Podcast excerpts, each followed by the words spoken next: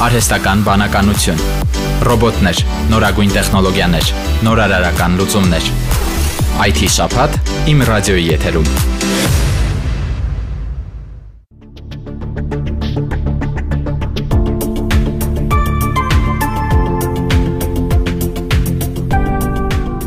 Շատ մասնագետներ ինտերնետի ներկայիս մոդելը Web 2-ը հնացած են համարում գրաքննության, օգտատերերի անձնական տվյալների հավաքման եւ շատ այլ սահմանափակումների պատճառով։ Իսկ ահա Web 3-ը ինտերնետի հաջորդ ինտերացիան է, որը ապակենտրոնացած համակարգերի միջոցով թույլ է տալիս կախված չլինել խոշոր տեխնոլոգիական ընկերություններից։ Web 3 Armenia հիմնադրամի գործադիր տնօրեն Մետաքսե Ղարիբյանի հետ զրուցել եմ ինտերնետ տեխնոլոգիաների զարգացման մեջ Web 3-ի նշանակության, հերանեկարների եւ անվտանգության մասին։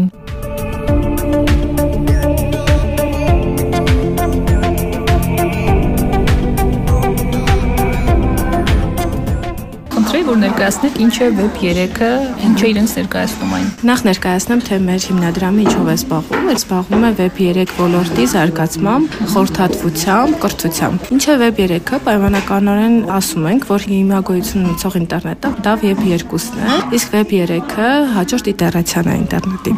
Ավելի խորանալով նշեմ, որ Web 3 ոլորտը հիմնված է բլոկչեյն տեխնոլոգիաների հիման վրա, ու բլոկչեյն տեխնոլոգիաների հիման վրա գոյություն ունեցող ապրանքների։ Դրանցից ամենահայտնին կրիպտոարժույթներն են, այս պահին հանրային տարածում ունեն, բայց Web 3-ը դրանով չի ավարտվում, ինքը նաև գաղափարական է, այսինքն ինտերնետի հաջորդ իտերացիա նշում ենք, որովհետև հիմիկվա տեխնոլոգիաները, ինտերնետը կենտրոնացված համակարգերի սերվերների վրա է գտնվում, այսինքն ձեր ինֆորմացիան տիրապետվում է մեծ ընկերությունների կողմից։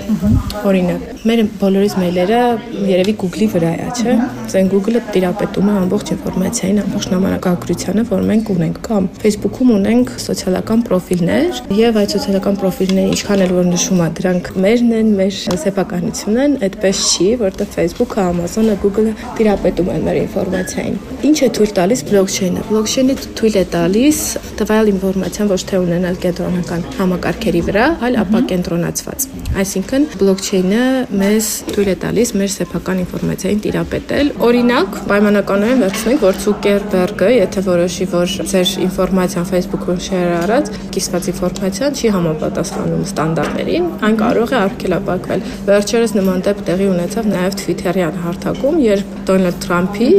ինֆորմացիան լրիվ բլոկավորել էին։ Ինչ է անում բլոկչեյնը։ Բլոկչեյնը թույլ է տալիս, որ այդ ինֆորմացիան տիրապետեք միայն դուք։ Բլոկչեյնի շնորհիվ ապակենտրոնացված լինելու շնորհիվ ինֆորմացիան հնարավոր չի ջնջել կամ փոփոխել։ Այսինքն այն ինֆորմացիան, որը գրվեց բլոկչեյնի վրա, տիրապետում են բոլոր այն մարդիկ, ովքեր դոստուպ ունեն բլոկչեյնին եւ ինֆորմացիան փոխելու համար ձեզ անհրաժեշտ կլինի բոլորի մոտ փոփոխել դա։ Այսինքն մի կողմից փոխել հնարավոր չի։ Web 3-ը այդ ամբողջի գաղափարախոսությունն է, որ կարողանան մարդիկ նաեւ իրենց ֆինանսները ապակենտրոնացված պահել։ Այսինքն եթե պետության, պետականության կողմից, իշխանության կողմից կամ կենտրոնական բանկի կողմից համարվում է, որ ձեր հաշիվները պետք է սառեցվեն, դուք այլևս չեք կարողանա ձեր ֆինանսներից օգտվել։ Իսկ կրիպտոարժույթները իրենց ապակենտրոնացված լինելու շնորհիվ միշտ հասանելի են իրենց տիրոջը։ Իսկ այ խոշոր ընկերությունները չեն խոչընդոտի Web 3-ի զարգացման ամեն դեպքում իրենց գործին այնքան էլ ձեռնտու չէ։ Շատ ճիշտ է,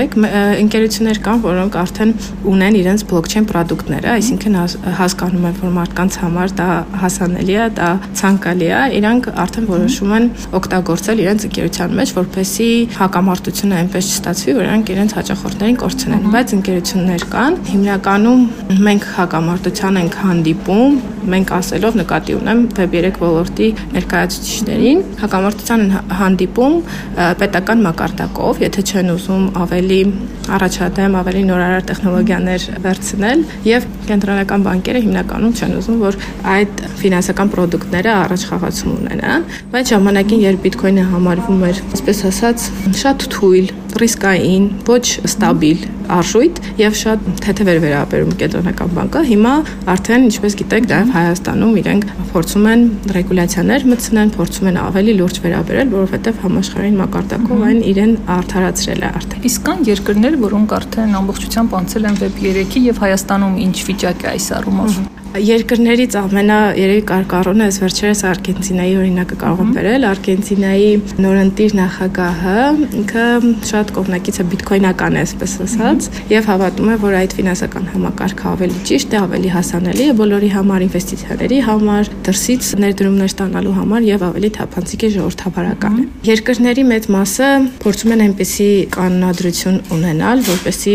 շատ ռիսկային գործոններից զերծ մնան, բայց կարողանան նաեւ օգտագործելի լինել։ Հայաստանը այս պահին ոչ regulated է, այսինքն ոչ մի կանոնակարգ գոյություն չունի կրիպտոների մասով, բայց 2023 թվականի վերջում կենտրոնական բանկը թվային արժեքների մասին օրենքի նախագիծ, այսպես ասած, հրապարակեց, նախագծի հայտարարություն հրապարակեց, որ շուտով կլինի այդ նախագիծը, ու մենք Web3 զարգացման հիմնադրամի եւ Web3 համայնքը փորձում ենք կապ պահել կենտրոնական բանկի հետ, իրենց առաջադրել մեր, այսպես ասած, ոլորտի պրոֆեսիոնալների կարծիքը, իրենց առաջարկել մեր օգնությունը, որպեսի իրենք չգնան օրինակ, չգիտեմ, այնտեղ Քեմբրիջում, Լոնդոնում ոնց իրենք էին ասում, վերապատրաստվեն, այլ այստեղ կան մասնագետներ, այստեղ կան կազմակերպություններ, որոնք արդեն զբաղվում են այդ ոլորտով եւ երկար տարիների փորձ ունեն, անվճար մեր խորհրդատվությունը իրենց կարող ենք տրամադրել։ Եվ շուտով կլինի կենտրոնական բանկը հայտարարել է, որ համայնքում խոսակցություններ կան եւ կլինի հանդիպում կենտրոնական բանկի հետ, սակայն օրը չեն ճշգրտել։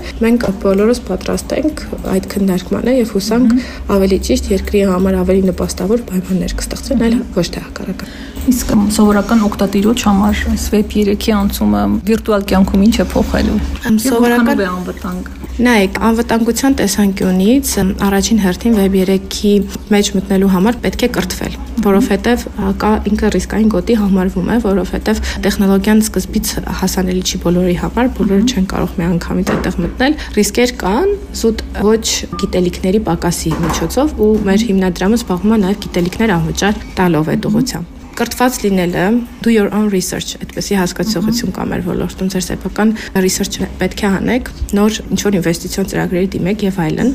սովորական քաղաքացու համար անցումը կլինի ժողովրդավարության հիմքերին հարող մի բան այսինքն օրինակ մենք ունենք նախագիծ դիպլոմաները բլոկչեյնի վրա դնելու